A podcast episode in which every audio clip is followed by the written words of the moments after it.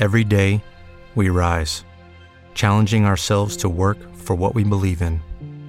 At U.S. Border Patrol, protecting our borders is more than a job, it's a calling.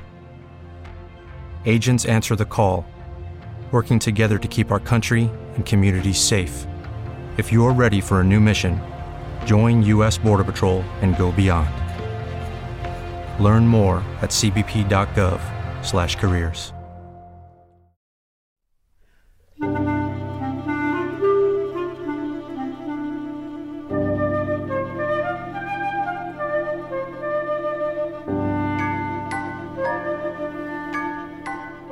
Soc la Mar i avui toca xapa sobre la gestió de la clàssica.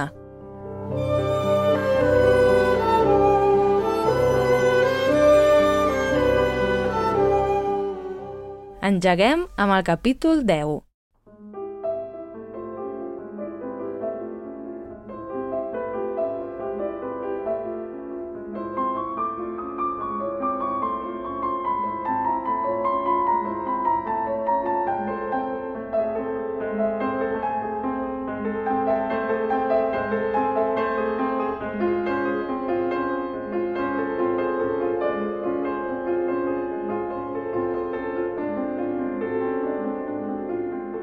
Per començar, us diré que el món de la gestió és, com en tots els sectors, un mix de moltes coses. En el cas de la clàssica, tot plegat sembla pitjor que la resta, i de vegades penso que així és. Com algunes sabreu, jo em dedico des de fa uns anys a la gestió de coses clàssiques, i això normalment vol dir muntar concerts de música clàssica i aguantar certs personatges duros de pelar.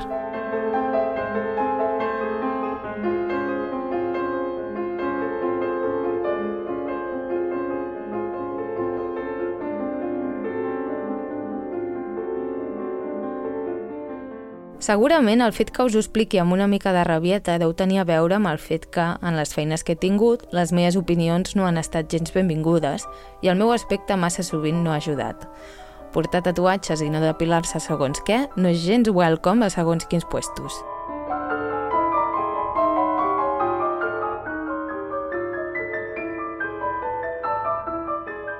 El tema de la gestió és, molt sovint, tan xungo com sembla, sobretot quan t'endinses en els intríngulis de la clàssica. Però per sort hi ha ties guais i enrotllades que sobrevivim i que per sort ens coneixem entre nosaltres. D'aquesta manera mantenim l'esperança que algun dia, entre totes, aconseguirem enderrocar el sistema tan ranci, conservador i elitista que envolta la gestió de la clàssica.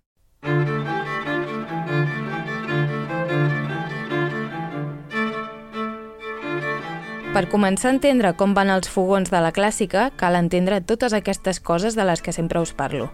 La rancietat general, la poca adaptació al món que ens envolta, la desconnexió que sembla que hi hagi entre el món real i el de la clàssica, bàsicament.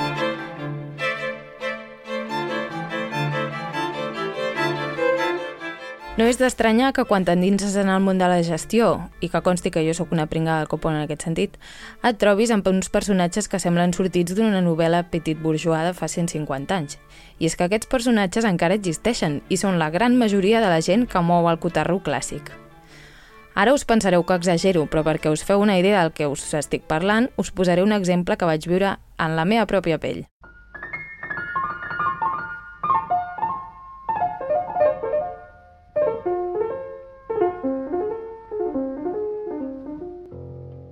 Fa uns quants anys em van agafar per treballar en un lloc de la zona alta de Barcelona, però molt alta. Allà es feien concerts de cambra cada 15 dies i el lloc era superbonic. L'equip humà que treballava allà estava format per un jardiner que tenia 70 anys i tot el dia fumava, una secretària que en tenia 65 i també fumava però era la millor, jo mateixa i el senyor de la casa, de qui no en direm el nom. El màster de la casa tenia en aquella època 85 anys no sabia fer servir el correu electrònic i, per tant, em feia imprimir tots els correus que rebíem per guardar-los en un carpesano i llegir-se'ls amb calma al cap d'uns quants dies.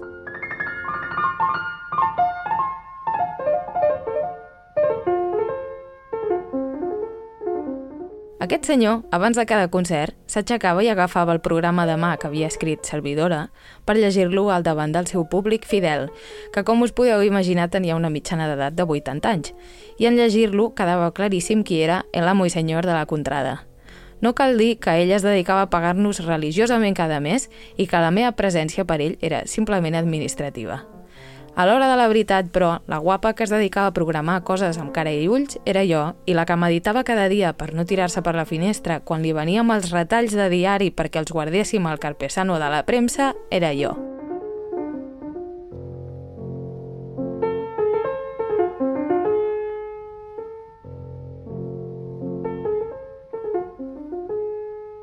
I què creieu que em va dir quan li vaig proposar que pilléssim un datàfon per poder-li cobrar a la penya que arribava fins a Pocon sense caix? Doncs que ni parlar-ne, que era un liu i un mal de cap innecessari. Whatever. Aquesta anècdota, que sembla sortida d'una sitcom, no me la invento, i de fet gairebé no he exagerat perquè us en feu una idea. I per què parlo d'aquest senyor i del seu Dream Team? Doncs per poder-vos fer 5 cèntims de tot plegat i perquè rigueu una estona.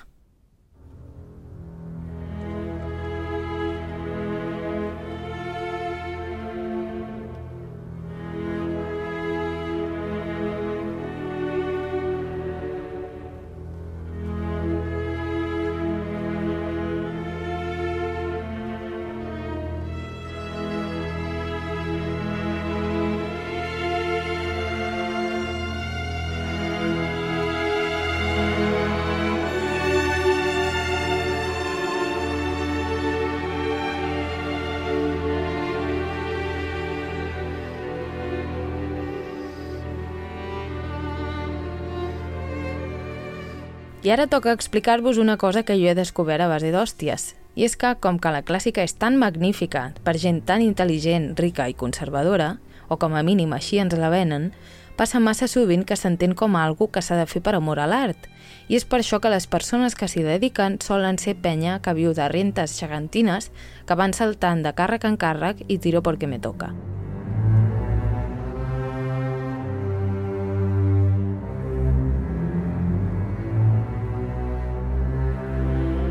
Ara potser algunes de vosaltres esteu flipant, i és que és per flipar realment. Moltes institucions de la clàssica, sobretot privades, tenen un funcionament estrany si el comparem amb la resta de sectors. I és que moltes tenen jefes que no cobren o que cobren d'altres maneres, per dir-ho finament. Això passa perquè moltes d'aquestes institucions són suposadament sense ànim de lucre i, per tant, en teoria no tenen beneficis. Després resulta que la majoria d'aquestes persones tenen propietats i un llarg etc. I és que, a veure, vosaltres coneixeu algú que pugui permetre's el luxe de treballar sense cobrar? No, oi? Doncs és que jo tampoc.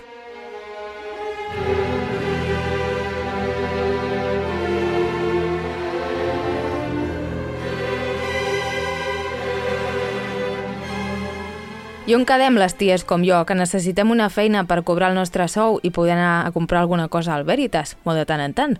O poder-nos pagar la teràpia que val un ull de la cara i que és imprescindible per aguantar aquests jefes?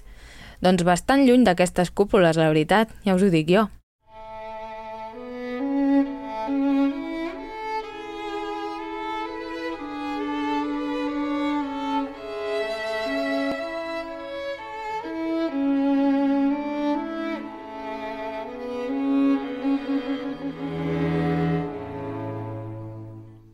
Deixant davant d'aquestes coses tan desagradables, anem a per coses més interessants. Qui tria i deixa de triar el que són a les sales de concerts? Doncs en la seva gran majoria, aquests senyors dels que us parlava. Suposo que ara enteneu per què tenim un problema, no?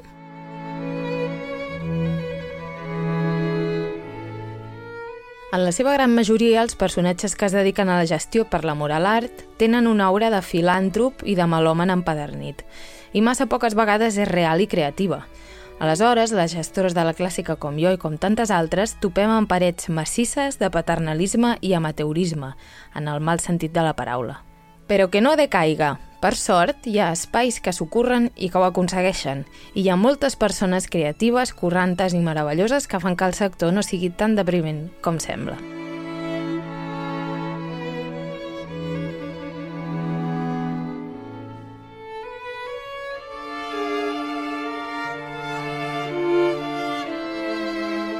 Anem al gra, doncs.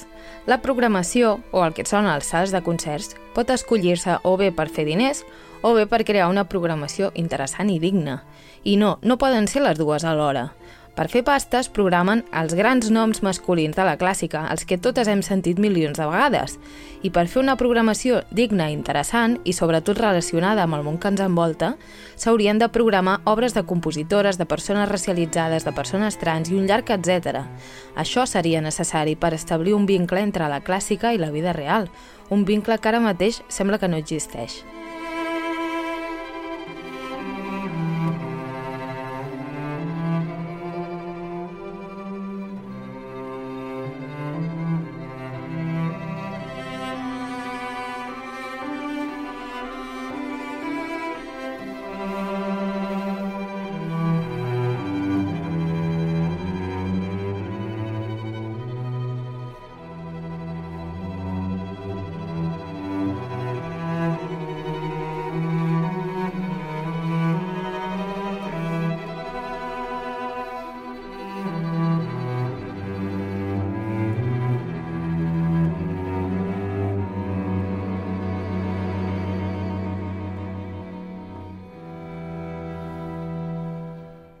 En els cercles de la clàssica sempre es parla del mateix.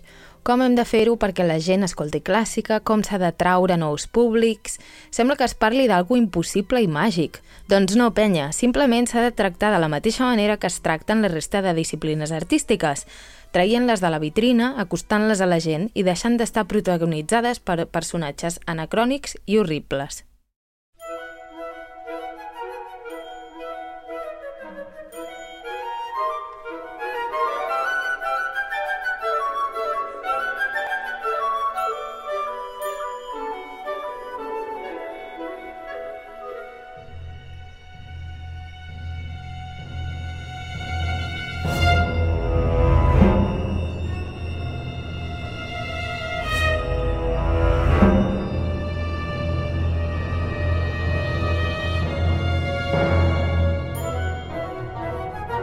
Atentes, hi ha un altre problema del que encara no us he parlat. I és que si a les unis no es tracta la clàssica com una cosa viva, és normal que després la gent que es dedica no ho sàpiga fer. Segurament us haureu fixat alguna vegada en les fotos de promo dels concerts de clàssica o en les imatges dels discos i dels CDs dels solistes, no? A que semblen de fa 30 anys o més. Doncs això té a veure amb el que us comentava. Sembla que aquesta gent es dediqui a una disciplina que ja hauria d'estar morta, no a algo que la gent de 19 i 20 anys està fent a diari i com una carrera.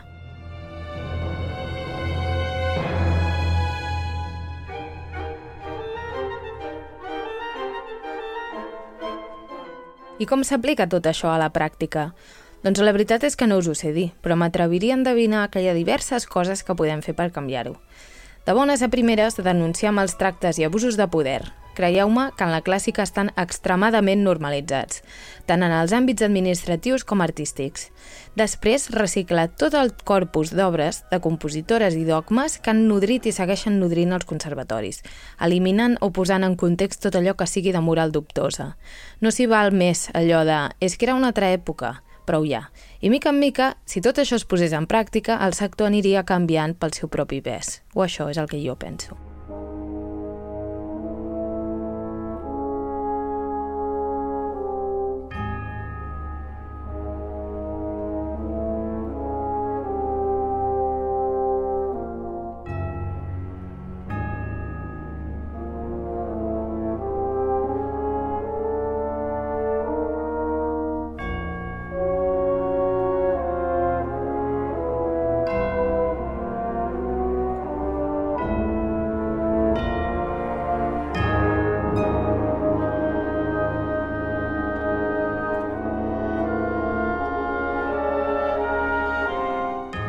És obvi que canviar-ho és una cosa que costarà anys i panys, però mica en mica ens en sortirem, seguríssim. Per sort, i com en la majoria de sectors, les dones joves i correntes estan per tot arreu i són molt més modernes que la majoria dels seus companys, que tenen una llista de referents rancis i conservadors que no se l'acaben. Nosaltres, en canvi, estem soles en aquesta llista i per tant podem fer una mica el que vulguem.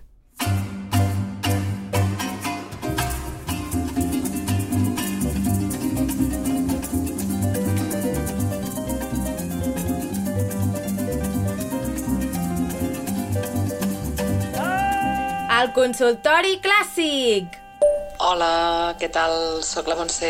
Uh, doncs tinc una pregunta per la Mar i l'orella furtiva.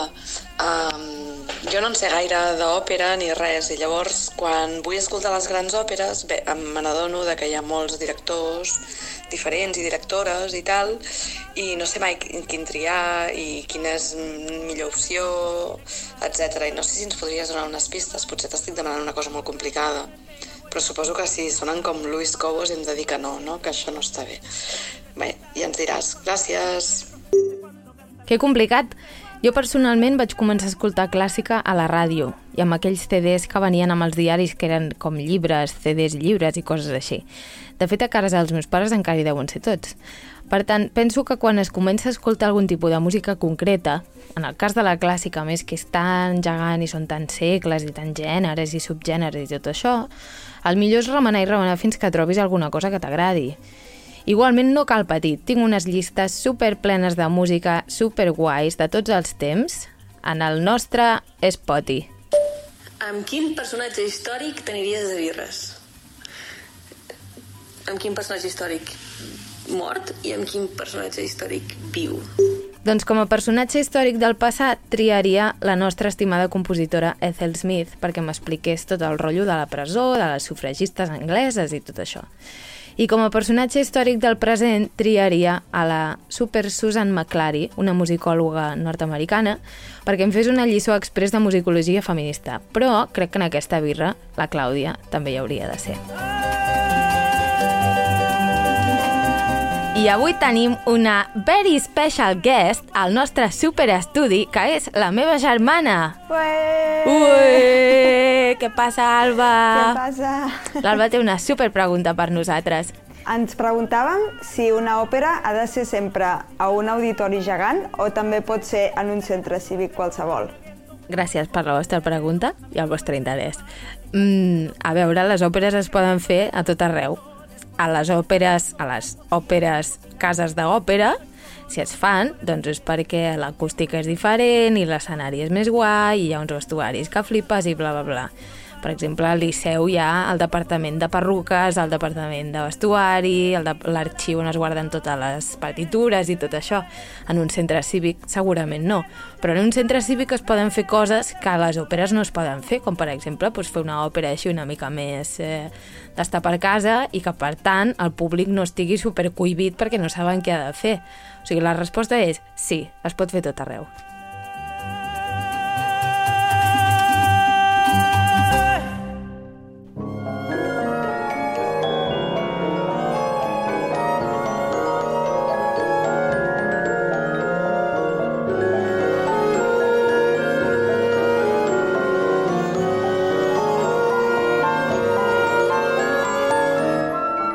Moraleja de tot aquest capítol és que s'han de crear referents sants inspiradors, no d'homes malvats, maltractadors i dèspotes, sinó de relacions sanes, creatives i interessants.